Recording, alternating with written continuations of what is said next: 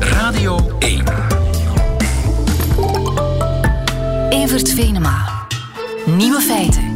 Goeiedag en welkom bij de podcast van Nieuwe Feiten, geïnspireerd op de uitzending van 31 januari 2020.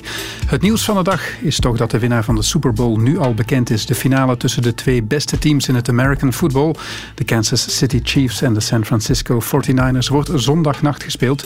Maar het nijlpaard Fiona, ook bekend als het orakel van Cincinnati Zoo, heeft haar oordeel op enigszins ongebruikelijke manier geveld.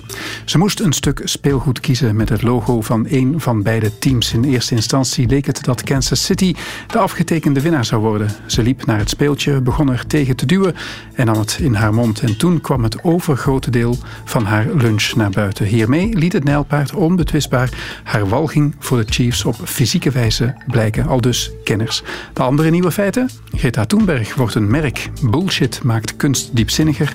Ecstasy is uitgevonden door een Belgische huisarts en in IJsland mag je je kind nog je paard Stacy of Kevin noemen. Nieuwe feiten. Greta Thunberg wordt een merk. Dat wil ze zelf. Niet om geld uit haar naam te slaan, maar om te voorkomen dat anderen dat doen. Marie-Christine Janssens van het Centrum voor IT en IP Recht aan de KU Leuven. Goedemiddag. Goedemiddag. Verstandig van Greta Thunberg? Wel, waarschijnlijk wel. Um, ik denk niet dat het haar te doen is om echt dat merk te krijgen. Um, dat zou ze waarschijnlijk zelf niet ethisch vinden, want ze wil niet echt geld verdienen aan haar naam. Maar zoals u het al aangaf, er zijn wel andere mensen die het merkrecht een beetje kennen en die op die manier willen een graantje meepikken van de bekendheid die ze heeft uh, en daar commerciële voordelen uithalen. En dat is iets, denk ik, dat ze niet graag ziet. We hebben even gezocht en al snel gevonden. Greta Thunberg koffiemokken, dekbed overtrekken, t-shirts, smartphonehoesjes. Allemaal mensen dus die nu al geld verdienen op haar kap. Mag dat gewoon? Wel, um, ik weet niet, de koffiemokken gebruiken zij dus echt haar beeldenis en haar naam. Uh, omdat tegen te gaan, hoeft ze niet per se een merk te hebben, hè, want er is ook zoiets als persoonlijkheidsrechten. Maar ik moet toegeven dat het merkenrecht daar toch wel uh, meer efficiënte tools voor handen heeft om dergelijke praktijken tegen te gaan. Ja. Want er is dus een onderscheid. Sommige personen zullen ook proberen het merk te deponeren en dan wordt het al uh, kostelijker voor Greta Thunberg. Sommigen gebruiken het gewoon. Ja, dan moet je altijd keer op keer een procedure beginnen. Dat zal ze nu overigens toch ook nog altijd moeten doen met een merk. Maar met een merk gaat het iets gemakkelijker zijn. Maar op zich kan je dat gewoon doen, Greta Thunberg als merk deponeren als zij er niet aan gedacht heeft en als je eerst bent? Ja, in principe wel. Zo werkt het merkensysteem. Dat is eigenlijk een, um, ja, een soort bezettingsrecht. Je moet de eerste zijn die uh, een aanvraag doet voor een bepaald territorium. Ik geef een ander voorbeeld, heeft niks met Greta te maken, maar Apple is ook een gewoon woord dat iedereen kan gebruiken. En als Apple dat voor de eerste keer onze computers aanvraagt voor computers, niemand anders kan dat dan nog doen. Dus je moet niet echt inventief of creatief zijn, je mag alles deponeren. Maar een naam is wel heel specifiek. Als ik morgen lieven van een houten pralines op de markt wil brengen, ik zeg maar iets, dat zou gewoon mogen? Ja. Wel, u gaat daar actie ondernemen um, als u geen merk heeft, niet op basis van het merkenrecht, maar op basis van uw recht op naam. Um, maar nogmaals, die zijn niet zo sterk als een merkenrecht. Um, dus je staat daar wel steviger als je liever van den houten dan toch als merk zou hebben. Greta Thunberg maar, heeft... Ja, zegt u maar. Ja, natuurlijk. U, u, zegt, we moeten echt duidelijk een onderscheid maken tussen mensen die het gewoon doen, die merchandisingproducten verkopen, enerzijds, en mensen die het merk ook gaan aanvragen. En dan, dat zijn twee afzonderlijke zaken. Dan moeten ze daar ook nog eens extra um, procedures tegen inspannen. Als mensen en daarvoor heb je beter zelf merk. Verder Greta Thunberg producten blijven uh, merchandisen, terwijl zij uh, haar naam heeft gedeponeerd. Wat moet ze dan doen om dat tegen te gaan? Ze zal een procedure moeten beginnen bij de rechtbank in de landen waar het gebeurt. Dus daar is uh, wel het probleem van de naleving. Dat gaat moeten bewaakt worden enkel in de territoria waar zij die naam heeft gedeponeerd. Want dat is een ander probleem. Ik weet niet, uh, zij is internationaal bekend, maar het merkrecht heeft helaas geen internationaal merk. Je moet dat dus territorium of land per land, of regio per regio doen. En dat kost telkens dus veel geld? Wel, dat valt mee, maar het zijn toch wel enkele, allee, alles bij elkaar internationaal, dan hebben we het over enkele tienduizenden euro's, toch, ja.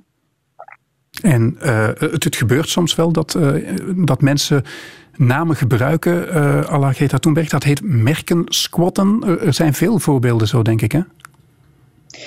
Ja, merken, er zijn dus twee soorten um, ondernemingen of mensen die profijt willen halen uit bekendheid van figuren of activiteiten die plaatsvinden. De squatters, um, dat zijn eigenlijk mensen die deponeren.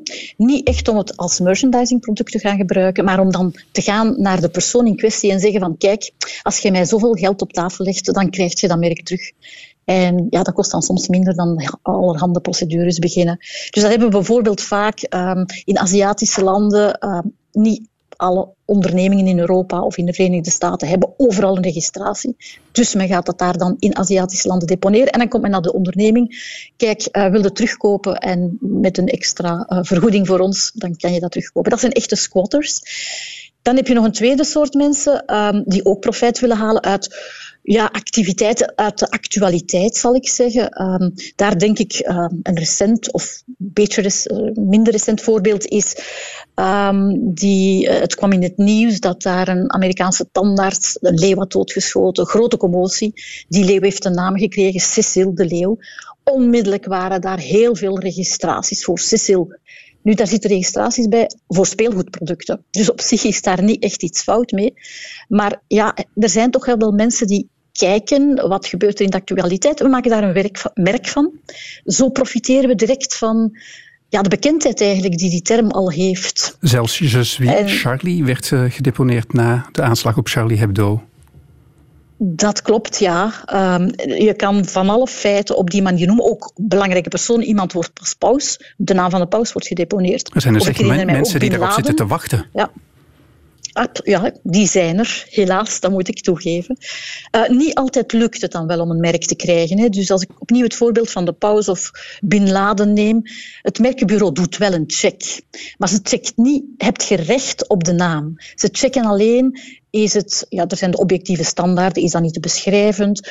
Of is dat ook niet tegen de openbare orde of het algemeen belang of zo? En daar gaat men zeggen, ja, een pausnaam, dat gaat nu wel niet. Maar ik weet niet of men zover gaat gaan bij Greta Thunberg. Dus ik denk dat ze daar dan zelf actie zou moeten ondernemen om dat tegen te houden. Is zij nu voor de rest van haar leven gerust? Uh, nee, want er is opnieuw, zoals we juist zeiden, het probleem van de naleving. Hè. Er zijn eigenlijk twee problemen. Ze moet bescherming hebben in alle landen van de wereld, wat onmogelijk is. Laat ons, dat, allee, dat, dat lijkt mij vrij evident. En ten tweede, als ze het merk heeft, dan gaat ze dus, en dat gaat ze niet zelf kunnen doen, ze gaat zich moeten organiseren dat mensen dat bewaken uh, waar overal haar naam onterecht zou worden ingezet. Maar ze heeft het recht wel levenslang? Uh, je krijgt dat recht voor tien jaar, maar dat is levenslang verlengbaar, een merk. Dat ja. klopt. En je moet daar zelf Als niks voor doen? Je, je moet dat zelf niet economisch proberen uh, uit te baten of zo? Dat is allemaal niet nodig. Je mag dat gewoon passief laten? Nee, daar raakt u een ander moeilijk punt aan. Een recht. Um, in Europa is er een soort gebruiksplicht van vijf jaar. Alle landen hebben dat, maar de termijn kan variëren. Dus dat wil zeggen dat uh, als je het vijf jaar niet gebruikt hebt voor de diensten die je hebt aangegeven, dan kan iedereen vragen dat het wordt vervallen verklaard. Um, dus ze zal wel moeten kijken voor welke diensten ze dat merk aanvraagt. Maar ja, er bestaat zoiets als diensten van het organiseren van events, conferenties, misschien zelfs protestmarsen. Dus daar kan ze het voor gebruiken. Maar opnieuw, um, als zij wil registreren voor uw koppen, uh, koffiemokken of polshorloges, uh, die zojuist werden aangegeven, um, ja, dan gaat ze dat ook zelf moeten gebruiken. En dat is misschien minder evident. Dat begon met een staking voor een school, met op een stoep zitten. En voor je het weet, zit je in dit internationale ja. merkenrecht dat had ze waarschijnlijk niet zelf voorzien, maar er komt veel meer bij kijken, inderdaad, bij die acties die heel legitiem zijn. Laatste vraag. Zou u elke bekende Vlaming aanraden om zijn of haar naam te deponeren? Bekende personen, als zij echt niet van plan zijn om ook commercieel hun naam te gaan exporteren. Misschien is dat niet nodig. En nog, nogmaals, er is ook het recht op naam. Anderzijds weet ik wel dat heel veel, ik weet nu niet direct in Vlaanderen, maar internationaal voetballers, like uh, Messi en Becker, Beckham, sorry, uh, tennissers als Borg en zo, zangers, acteurs, internationaal gereputeerde mensen, die hebben meestal ook hun naam uh, geregistreerd als merk, omdat er toch wel vaak merchandisingproducten uit voortvloeien. Zoals t-shirts voor de voetbalfans, bijvoorbeeld. Of uh, onderbroeken voor Borg. Hartelijk bedankt, mevrouw Jansen. Graag gedaan. En nog een prettige middag. Feiten. Kijkt u ook eerst naar het bordje opzij van een abstract schilderij en pas daarna naar dat onbegrijpelijke kunstwerk zelf en helpt de titel om plotseling te zien waarover het gaat. Als de naam die de kunstenaar erop plakt genoeg diepgang suggereert, wel dat blijkt uit wetenschappelijk onderzoek van Jonathan Vogelsang, voormalig winnaar van de Ig Nobel Prize onderscheiding voor even nutteloze als onthullende studies. Stijn van de Voorde, goedemiddag. Goedemiddag. Bullshit detector en kunstkenner van de openbare omroep. Je hebt het onderzoek voor ons doorgenomen. Herkende je jezelf in de conclusie? Ik vond het heel cool geschreven, omdat het gaat over de essentie van een groot stuk uh, van wat kunst is. Uh, en dat is bullshit. En dat bedoel ik niet op een negatieve, zure manier. Integendeel, want ik hou oprecht van kunst. En ik vind zelfs als je bullshit en je kan het goed doen, dan heeft het ook een bepaalde waarde. Op zich, wat jij zegt, als je naar een kunstwerk kijkt, moet je ook naar het kaartje kijken, of moet je die gids erbij nemen, of naar de audio, um, het audioding dat je op je hoofd hebt staan luisteren.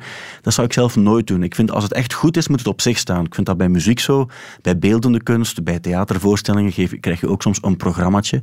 Maar ik lees dat niet, omdat ik denk van, het moet op zich ook wel kunnen bestaan. Het kan wel interessant zijn om iets extra te krijgen achteraf. Ik wilde vragen, je leest het achteraf ook niet? Ja, dat wel. Ik vind wel, vroeger had je ook zo de extra's op de dvd en dan weet je iets meer enzovoort. En dan kan dat soms leuke info zijn als je weet dat er een stuk ook met zijn bloed geschilderd is, bij wijze van spreken. En dan kijk je nog eens en dan zie je het toch anders. Um, dan denk ik van, ah ja, dat is met zijn bloed gemaakt, maar je gaat het niet beter of mooier vinden. Je gaat het misschien interessanter vinden. En het coole aan, aan bullshit is dat er um, uh, kunst daardoor ook grappiger wordt. Alleen moet je wel weten dat het bullshit is en je mag het niet te serieus gaan nemen. En dat is het probleem dat je soms wel krijgt in musea enzovoort ook, dat iets dat op zich als grap bedoeld is, uh, of min of meer bedoeld is, dat, je dan, uh, dat er te veel mensen zijn die er uh, een serieus aanplakken die het niet verdient. Je kon al vermoeden natuurlijk dat handige kunstenaars hun werk met gewichtige titels extra lading meegaven. Ja. Maar Vogelsang, die onderzoeker, heeft het door een computer laten doen. Die genereerde titels, ik noem er een paar. Undefined Singularity of Pain. Ja, ik Goeie titel? Absoluut, dat is poëzie. Ik meen er ook, dat is echt poëzie. Het slaat op niets, maar het, is wel poëzie. het klinkt als poëzie. En als het zo klinkt, is het voor mij al voldoende. Echo of Death. Dat vond ik. Um, ik denk dat een computer creatiever kan zijn dan dat. Pathological interior. Dan zitten we weer op het juiste spoor, denk ik. Maar het klinkt fancy en zo moet het ook zijn. En je hebt soms bijvoorbeeld, we zitten nu in een studio waar een soort van wand is gemaakt die ervoor moet zorgen dat alles beter klinkt. En je hebt een vlak rood, dan heb je een vlak oranje, weer rood, oranje. Ik kan hier perfect ook een verhaal bij verzinnen waarbij je gaat denken: amai, hier wordt de maatschappij en de druk die op ons ligt als individuen dat komt hier in de titel of in het verhaal dat hier bij deze vlakken hoort, komt perfect naar boven. En er zijn zoveel kunstwerken die miljoenen waard zijn en die gewoon in één kleur vlak geschilderd zijn. Maar met het juiste verhaal maak je daar iets van en dan denk je, amai, dat is chic gevonden. Um, of je hebt kunstenaars die een, een ruimte vol olie laten gieten en je hebt ook kunstenaars die een ruimte vol zand laten gieten en er dan een verhaal bij verzinnen. En plots denken we van, het is waar, het, het stelt wel echt veel meer voor dan wat wij denken. Dat vind ik fantastisch. Ken jij kunstenaars die uh, de titels van hun werken niet zelf verzinnen? Maar ik denk wel dat er heel wat kunstenaars zijn die dingen uitbesteden. En dan weet je ook bij bijvoorbeeld uh, Rinus van de Velde, uh, ik heb daar heel veel sympathie voor, want als ik die zijn werken zie, denk ik, chic gedaan, echt knap. Maar de, de teksten die daar onderaan bij staan, die heeft hij, zoals ik het gehoord heb, niet zelf geschreven. En dan mag ook, je mag dingen uitbesteden. Dat is net zoals uh, Jeff Koons ook niet zijn eigen Balloon Dogs heeft samengefreesd. Of, ja. of, of, of dat blijkbaar de Vlaamse primitieven ook specialisten hadden die handen of schilderden. Of die de ogen moesten schilderen. Maar de titel is toch het idee? Ja, maar een titel is ook maar een titel. Vandaar dat ook heel veel kunstenaars untitled als uh, titel van een werk hebben. Dat is eerlijker. Wat heel eerlijk is, maar vaak heb je dan tussen haakjes er nog een heel lange titel ook nog bij, om het dan toch nog iets extra te geven.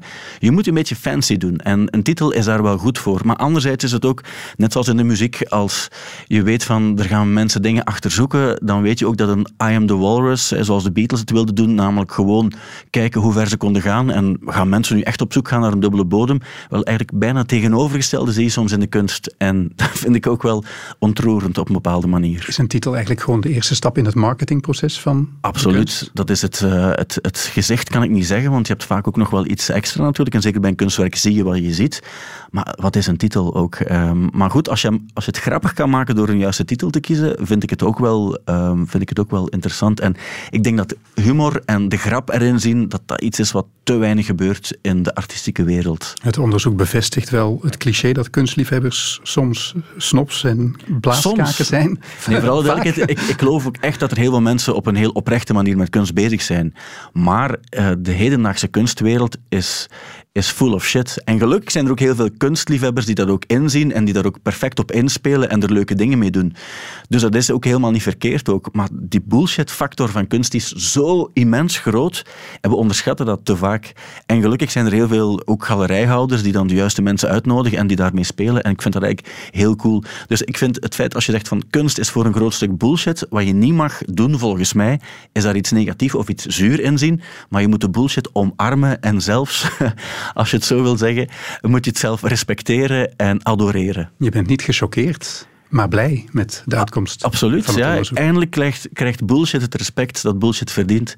En nu ben ik het natuurlijk aan het uitvergroten. En nu ben ik zelf een stuk daarover uh, aan het bullshitten. Maar ga naar een galerij en lees soms eh, of in een museum en lees soms wat er bij een kunstwerk staat. En je kan niet anders dan daarmee lachen. Want het is, het is zoals de, wat de nieuwe kleren van de keizer.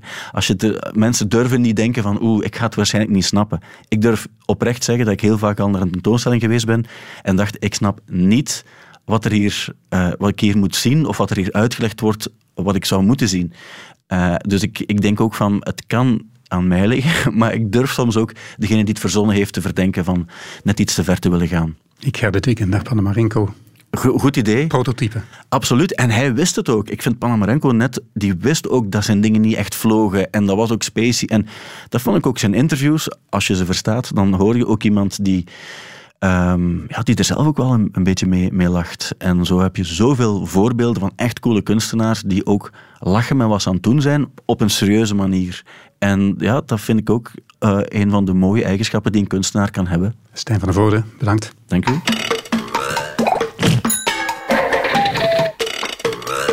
Nieuwe feiten. Terwijl in Antwerpen granaten door de stad vliegen, verschijnt vandaag een boek over een drugsgerelateerde cold case uit de jaren 90. Dr. XTC beschrijft de schimmige carrière van de Hasseltse dokter Danny Leclerc en hoopt de opheldering van zijn uiteindelijke liquidatie misschien dichterbij te brengen. Marian Husken onderzocht de zaak en schreef Dr. XTC. Mevrouw Husken, goedemiddag. Goedemiddag. Mogen we onze Danny Leclerc een beetje trots de uitvinder van de XTC noemen? Nou, dat is het de grote eer.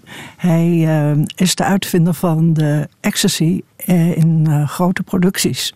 En hij maakte in die tijd loopzuivere ecstasy. En hij is eigenlijk door al die export van die pillen... ja, is hij wel de godvader van de lage landen geworden daardoor. België en Nederland gelden nog altijd als het over de productie van ecstasy gaat. Als het Colombia van het noorden, dat gaat terug op die Danny Leclerc? Dat gaat op de uh, Leclerc terug. Dat was voor het eerst dat uh, ecstasy bestond al, uh, ging over de wereld, was eigenlijk een geneesmiddel van onder, wat gebruikt werd in de psychiatrie, dat mensen wat liever tegen elkaar deden, gingen praten. Via de hippies kwam het, ging het de wereld over. Daarna had je muziek, housemuziek, techno, waar mensen het prettig vonden om deze pillen te slikken, waardoor ze in een bepaalde roes kwamen en lang konden uh, dansen. En ook lief voor elkaar bleven. En ja, door die feesten nam de vraag toe. En als ergens vraag naar is, dan is er in de criminele wereld altijd wel iemand die opstaat en zegt van uh, daar valt geld te verdienen. Hebt u ontdekt wie hij was en wat hij motiveerde? Was hij gewoon een jonge arts die liever in de onderwereld miljoenen verdiende dan zijn hele leven zieke briefjes te schrijven bij verkoudheden? Ligt het zo simpel? Ik denk het wel. Ik denk, je ziet dat hij uh, na, na, zijn studie uh, een korte tijd controlearts is. En dan kijk je naar zijn uh, belastingbriefjes. Nou, dan verdient die man echt helemaal niets. En hij, ja, hij was een dik jongetje, was gaan duiken, had duikvrienden, zat al een beetje ook in de drugswereld. Hij zat in de hars en van daarvoor werd hij ge En ondertussen droomde hij toch wel om een legale ecstasypil te maken. En het is iemand in de bovenwereld. En iemand in de bovenwereld kan aan grondstoffen komen. En als je aan grondstoffen kan komen, kan je een hele grote jongen worden. Het deed mij natuurlijk onmiddellijk denken aan Breaking Bad. Hè? Ja, dat deed het mij ook. En aanvankelijk niet zo erg. Maar tijdens, uh, ja, tijdens het onderzoek uh, kom, loop je daar toch wel tegenaan. Niet dat Leclerc zelf ziek was, zoals uh, de geschiedenis... of de, de serie. Ja. Die leraar in, in Breaking Bad, Walter White... Maar ja, de manier waarop uh, hij het aanpakte, groots en ja, loepzuiver wilde zijn, de beste van de beste. En ook een soort dédain ten opzichte van de mensen in de criminele wereld, want hij was toch wel een gestudeerd iemand. Daniel de Klerk was niet ziek, maar hij werd in 1993 wel geliquideerd. En nu wordt het spannend in uw boek, want die moord is nooit opgehelderd. Nee, en daar is ook een reden voor. De, deze criminelen konden zo rijk worden met de pillen van Danny Leclerc. Omdat er een samenwerking was tussen de criminelen en de Nederlandse politie. De Nederlandse politie hoopte met de hulp van de partners van Leclerc hele grote boeven aan te pakken. En of die hele grote boeven ooit bestaan hebben, is nog maar de vraag. Maar daardoor werden ze constant in de gaten gehouden. Dus ook op, waarschijnlijk ook op de dag dat uh, Leclerc uh, ja, werd doodgeschoten op klaarlichte dag in zijn auto op de ring rond Amsterdam. Uh, die moord is nooit opgehelderd. U schrijft in uw boek dat dat komt omdat de Nederlandse politie het potje gedekt wil houden. Dat lijkt mij nieuws. Bent u al geboekt voor talkshows? nee joh, het is, het is een groot justitieel eh, schandaal geweest. En er is al natuurlijk best wel wat naar buiten gekomen over het doorleveren van de drugs. Dat de politie een cocaïnelijn uh, ook runde. Maar um, dat, het verhaal van de ecstasy is eigenlijk nooit zo, um, zo naar buiten gekomen zoals ik er ook nu naartoe kijk. Dat het alleen maar kon dankzij de pillen van Dr. Ecstasy. En wat ik ook uh, heel voor mij schokkend was, was dat er twee politieteams waren. Er was een politieteam in Amsterdam wat de moord moest onderzoeken. En er was een geheim team wat de georganiseerde criminaliteit moest onderzoeken. En dat geheime team deed onderzoek naar Leclerc en zijn vrienden. Die wisten dus heel veel. En als op het moment dat de commissaris van de moordbrigade, een beetje raar woord, maar dat was degene die de moord onderzocht, aanklopt bij zo'n IRT, krijgt hij nul op request. En ja, dat gold ook voor eh, de mensen in België. De samenwerking tussen de politiediensten was uh, ja, heel slecht. Eigenlijk was die er niet. En daardoor ja, zijn deze moorden nooit opgelost. Wij, wij hebben hier in België wel ervaring met uh, dossiers die niet opgelost raken. Misdaaddossiers. Uh, hoopt u met uw boek het onderzoek nieuw leven in te blazen? Uh, je hoopt altijd dat er meer, meer feiten boven, boven, tafel komen. En ja, je hoopt natuurlijk wel dat uiteindelijk toch een soort ja, helderheid komt over wie de verantwoordelijken zijn. Ja, wat ons verwonderde, Danny Leclerc heeft zelfs geen Wikipedia-pagina, ondanks dat, dat meeslepende verhaal in uw boek. Ja, ik, ik, schrijf geen Wikipedia-stukjes. Maar Leclerc kwam al wel voor in uh, eerdere misdaadromans of misdaad boeken die ik schreef over grote Nederlandse criminelen. En dat was ook mede eigenlijk van de reden van dat ik dacht van iemand vroeg mij van ja, ik sprak over Dr. Ecstasy. En die zei wie is dat eigenlijk die man? Ja, dan ga je kijken wie is die man. En dan kom je ook het hele verhaal in België tegen. Wat ook een heel spannend verhaal is over hoe die dokter in uh, de harshandel kwam. En hoe die met duikers grote transporten opzette. Was hij zelf gebruiker eigenlijk, Daniel Leclerc? Ik geloof dat hij wel eens een liefdespilletje nam met zijn vriendin. Want de mensen die hem op de laatste dag hebben gesproken en nog uh, gezien hebben, die heb ik natuurlijk ook voor het boek uh, ondervraagd. En, of ja, geïnterviewd, hè, ondervraagd door een politie. Uh -huh. Heeft u zelf en, ook ja, een, een liefdespilletje gebruikt bij uw research? Dat wel een pilletje namen. Wat zegt u? Of u zelf ooit uh, ook een pilletje gebruikt heeft bij uw research voor het boek? Uh, nee, nee, nee, dank wel. ik ben een controlfreak. Daar begin ik niet aan. Okay. Maar als je nu naar de cover van mijn boek kijkt, dan denk je oei. Dan uh, begint het uh, hoofd van Leclerc een beetje te bibberen. Ja, spectaculair verhaal. Spannend leven, Dr. Ecstasy. Vandaag verschenen dus. Uh, wij maken vandaag nog een Wikipedia-pagina over Danny Leclerc. Dank u wel, Marian Huske. Nieuwe feiten. Björk, Asger, Olafur. Waarom heet geen enkele IJslander Kevin Sigurdsson of Kelly Gudmundsdottir? Omdat de IJslanders streng zijn op hun voornamen. Eergisteren weigerde de IJslandse namencommissie een baby als Lucifer in te schrijven. Omdat de letter C niet bestaat in het IJslandse alfabet. Voor meisjes werd eerder Zelda afgekeurd, omdat ook de letter Z niet bestaat in IJsland. Koen Kjartan van de Putten, goedemiddag. Ja, goedemiddag. Jij woonde twintig jaar tussen de gijzers. Mag ik je, gezien het onderwerp, met Kjartan aanspreken? Ja hoor, zeker. U mag mij aanspreken met Kjartan, met Koen, uh, met Koen Kjartan, met beide. Um, je hebt die naam maar zelf. aangenomen omdat je echt wilde inburgeren? Ja, inderdaad. Ik heb uh, die naam aangenomen omdat het, uh, ik vond het belangrijk als je in IJsland woonde dat je toch ook wel een, een IJslandse naam had. en daardoor heb ik zelf mijn IJslandse voornaam kunnen kiezen. En uh, het is dan uiteindelijk uh, Kjartan geworden. Je hebt IJslandse kinderen, hoe heten die? Uh, mijn IJslandse kinderen noemen Freya en Karen. Het zijn twee typische IJslandse namen, maar ook wel zo gekozen dat ze ook voor de grootouders hier in België makkelijk uitspreekbaar zijn. Maar je had ze niet Kevin of Kelly mogen noemen? Uh, nee, dat mocht ik niet. Uh, omdat ze dus geboren zijn in IJsland, heb ik ze dus een, uh, uit de lijst van de IJslandse meisjesnamen moeten kiezen uh, om ze te registreren in, Bel uh, in IJsland. Er bestaat een lijst, een beperkende lijst met namen waaruit je moet kiezen in IJsland. Ja, dat klopt. Dus er bestaat een, uh, een, lijst met jongensnamen en een lijst met meisjesnamen. En als, er dus een jongen, als je dus een zoon hebt, moet je dus de naam kiezen uit de jongenslijst. en als het meisje is, moet het uit de meisjeslijst komen. Dus een jongen moet een jongensnaam krijgen en een meisje moet een meisjesnaam krijgen. die lijst, wie stelt die op? Uh, dat is een uh, speciale commissie die zich bezighoudt met de, de IJslandse taal, om ervoor te zorgen dus ja, dat men op IJsland toch wel de taal respecteert, de, de gewoontes respecteert. En, en die commissie beslist dan ja, welke namen op de lijst mogen komen en welke namen niet. Half Vlaanderen zou in opstand komen, denk ik, als dat hier op dezelfde manier zou gaan. Um, ja, dat denk ik wel. Maar persoonlijk vind ik dat wel, allee, vond ik dat wel goed. Hè? Dus dat, dat ze toch wel een, een, een heritage uh, bewaren van het IJslands. Hè? Dus dat er dus ja, geen uh, Engelse namen uh, voorkomen. Ik weet nog goed toen ik jong was, in de tijd van Beverly Hills 90210, hoeveel Kellys en Jasons er toen geboren werden. Uh, was, ja, was, was heel veel. En ja, in IJsland is het gewoon van, uh, u, u, hebt een kind geboren in IJsland en u geeft die een IJslandse naam. IJsland is daarvan gespaard gebleven van de Jasons en Kellys. Ja, dat is inderdaad. Uh, en ik moet zeggen, misschien wel gelukkig. Uh, want ja, het is, het is niks mooi om, om ja, die typische, dan hier in België, Vlaamse namen terug hè, op het uh, te zien geboren worden. Dus ik vind het wel goed. Dus dat ja, toch wel een soort van regel is in het eh, geven van de naam van uw kind. Het heeft er misschien ook mee te maken dat de achternamen in IJsland, dat weet ik, die zijn altijd de naam van de vader met dan son of dottir erachter. Dat zou raar klinken met Jason of Kelly.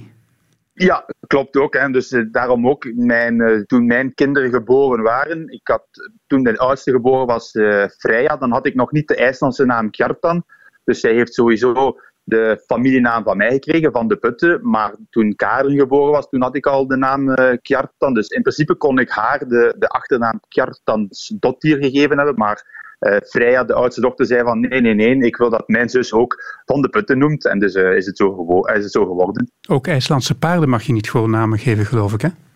Nee, die hebben dus ook een speciale lijst voor uh, namen van paarden. Dus, die, die, dus als een paard, als je het naam uh, geeft aan je paard, moet het dus ook een, een naam zijn, typisch IJslandse paardennaam. Dus dan kan je ook niet bijvoorbeeld, ik weet niet of Kjartan daar ook tussen staat, maar het, het, zou dus kunnen dus dat, ook al is het een IJslandse naam, maar het is geen paard, naam voor een paard. Um, dus ze zijn er ook wel vrij streng op, ja. Wordt de IJslandse cultuur, want er wonen daar heel weinig mensen, zo bedreigd dat dat nodig is, al die maatregelen?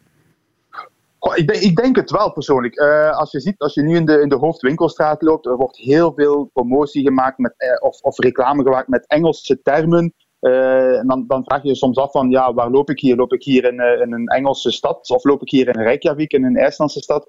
Um, om, om het toch wel, ja, toch wel meer lokaal te houden, vind ik wel goed dat men erop toeziet van, van ja, uh, het is IJsland en, en het moet IJsland blijven. Ook al hebben we veel invloed van toeristen dan uh, die de, met de Engelse taal, maar het moet IJsland blijven. Uh, dus ik vind dat wel belangrijk, ja. Jij hebt je naam van Koening Kjartan veranderd. Ik neem aan dat er ook in IJsland wel migranten toekomen die daar willen werken. Moeten die allemaal hun naam veranderen? Nee, ze moeten hun naam niet veranderen. Dus ze kunnen zich gewoon registreren met, met hun geboortenaam. Hè. Zoals, ik heb hem ook ooit geregistreerd met, gewoon als Koen van de Putten. Maar uh, u kan dan een, een, IJslandse naam aan toevoegen. Wat wel is, als uw kind geboren wordt in IJsland, moet u het wel een IJslandse naam geven. Uh, dus er zijn ook heel veel invloeden van mensen van, van Polen die in IJsland komen wonen zijn om daar te werken, die er ook een leven opgebouwd hebben. maar ik zie wel dat de meeste van die mensen terug naar Polen gaan om daar hun kind te laten geboren worden, om het dus een Poolse naam te kunnen geven en dan terug, eens het kind geboren is, terug naar IJsland komen. Uh, om het dan in te schrijven in IJsland onder de Poolse naam. Omdat ze dus waarschijnlijk niet gaan toelaten, de IJslandse autoriteiten, om een Poolse voornaam te laten registreren uh, officieel in IJsland. Zijn de meeste IJslanders het er eigenlijk mee eens? Of zijn er jonge IJslanders die zeggen van dat mag langzamerhand wel eens geschoppen?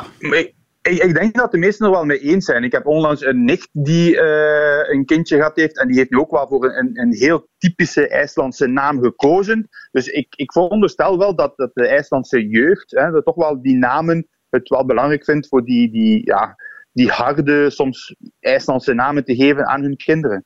Het is geen star nationalisme. Nee, nee. Het is, eh, ik denk, maar voor sommige dingen gaan ze het al wel belangrijk vinden, die IJslandse namen, dat het, dat het verplicht is. Maar voor anderen, lijkt mijn dochter, ja, die is opgegroeid met heel veel Engelse woorden. Of het nu voor haar uh, uh, solden, sales is of Utsala in het IJslands, zij zal daar weinig problemen mee maken. Voor Vlaamse aanstaande ouders die nog op zoek zijn naar een exotische naam, want hier mag alles, wat is een paar, geef eens een paar mooie IJslandse namen. Uh, mooi, Gudrun vind ik een, uh, een mooie IJslandse naam voor een, een meisje. Uh, Joon is een van de bekendste IJslandse jongensnamen. Dus is ook wel een, een typische Heidar. Is ook een jongensnaam die, die heel veel voorkomt. Dus ja, er zijn heel wat mooie IJslandse namen. die, die je perfect hier in, in België kan brengen. Zoals mijn dochter, hè. Freya, wordt wel anders geschreven. Maar Freya blijft Freya. Hè. We hebben een IJslands liedje klaarstaan, eh, Kjartan van de Putten. Ragnar Bjarnason en Ellen Christian Dottir. Ken je die? Uh, die ken ik, ja. Die namen komen bekend voor. Ja, ja. Ik zou niet weten welk liedje het is, maar ze komen me zeker bekend voor. Het liedje heet Kendu Mer at Kisaren. Wat betekent dat? Ik kan nu nog even herhalen. Kendu, Kendu Mer at Kisaren, denk ik. Uh, Kendu Mer at Kisaren is het iets met kussen te maken of zo? Of kan, kan, u mij, ja, iets, kan u mij leren om te kussen of zoiets, als ik het goed begrijp? Ja, Google Translate zegt leer me goed te kussen. Ik denk dat dat ja, klopt. Ja, ja, ja, dat klopt. Ja, ja, ja. Dus kan u mij leren uh, om te kussen? Ja. Kan u leren meer a kissen? We gaan die les beluisteren. Bedankt, Jartan. Graag gedaan. Nieuwe feiten. Dat waren de nieuwe feiten van 31 januari, maar nog niet helemaal.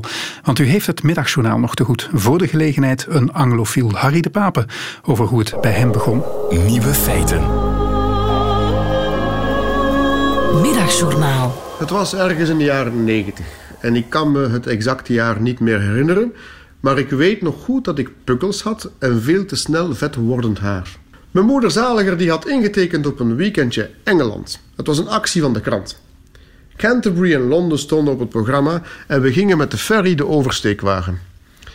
De boot dat was de Prins Philip en ik vond het allemaal bijzonder spannend en geweldig. Ik had immers als kleine ukkepuk in de jaren 80 Mary Poppins leren kennen en die had mij helemaal betoverd met supercalifragilisticexpialidocious. En ik las ook voortdurend Agatha Christie verhalen door de tv-reeks waarin David Suchet Hercule Poirot speelde, liep ik de hele dagen Good Lord en By Jove uit te roepen. En aan mijn slaapkamermuren hingen uitgeknipte foto's uit de humo van inspector Morse. En eindelijk kon ik dus naar het land gaan waar ik altijd over fantaseerde en van droomde. De overtocht op het kanaal verliep nogal wild. Er was storm op zee en het schip wiegde heen en weer. Mijn moeder die kon er niet zo goed tegen en die verdween naar een van de toiletten. En ik zag ze pas bij het aanmeren terug. Omdat ik eerlijk gezegd geen zin had om de hele tijd eens te luisteren naar onsmakelijke geluiden vanuit een damestoilet, besloot ik op ontdekking te gaan op het schip. Uiteraard vroeg ik eerst toestemming. En ik meende uit die geluiden te kunnen opmaken dat ze het wel oké vond. Op een tocht door de Prins Philip leerde ik het andere Engeland kennen. Het luide en altijd veel te dronken Engeland. En die mannen riepen niet good heavens uit, maar andere dingen die ik hier niet ga herhalen. Daar leerde ik dat Engeland een land is met heel veel tegenstellingen. Een land dat ook enorm kan teleurstellen. En toch. Terwijl ik snuisterde in een van de winkeltjes op de boot, botste ik plots op een kerel die me een sprankeltje hoop gaf. Hij droeg een deftig jasje en zijn vrouw die was minstens even tweedy. Shall I buy something for the children, dear? Zijn stem bracht me meteen naar de dorpjes waar ik over fantaseerde. Naar Oxford en de tea and scones. Hij merkte dat ik hem aanstaarde. De grijzende man glimlachte. Can I help you? Hij was de eerste Engelsman die me ooit aansprak. Beschaamd reageerde ik: uh, No, thank you. Vandaag ben ik een volwassen kerel en heb ik zelf kinderen. Die puisten zijn verdwenen en mijn haar ook. En de prins Philip die vaart al lang niet meer uit. En ook mijn moeder is nu een herinnering. Maar mijn jongensachtige verwondering en begeestering over Engeland en de Engels heb ik nog altijd. Laatst was ik in Manchester. Toen ik op een zeteltje van de stadstrein moe neerplofte, sprak een kerel mij aan die schuin tegenover mij zat. You look like you could do with a drink. Lachend gaf ik hem gelijk. Die Engelsen. Ze kunnen zo teleurstellen, maar ook zo hartverwarmend zijn. Laat iedereen maar de mond vol hebben over de brexit. Ik laat ze toch nooit los. This scepted isle, this eccentric little world.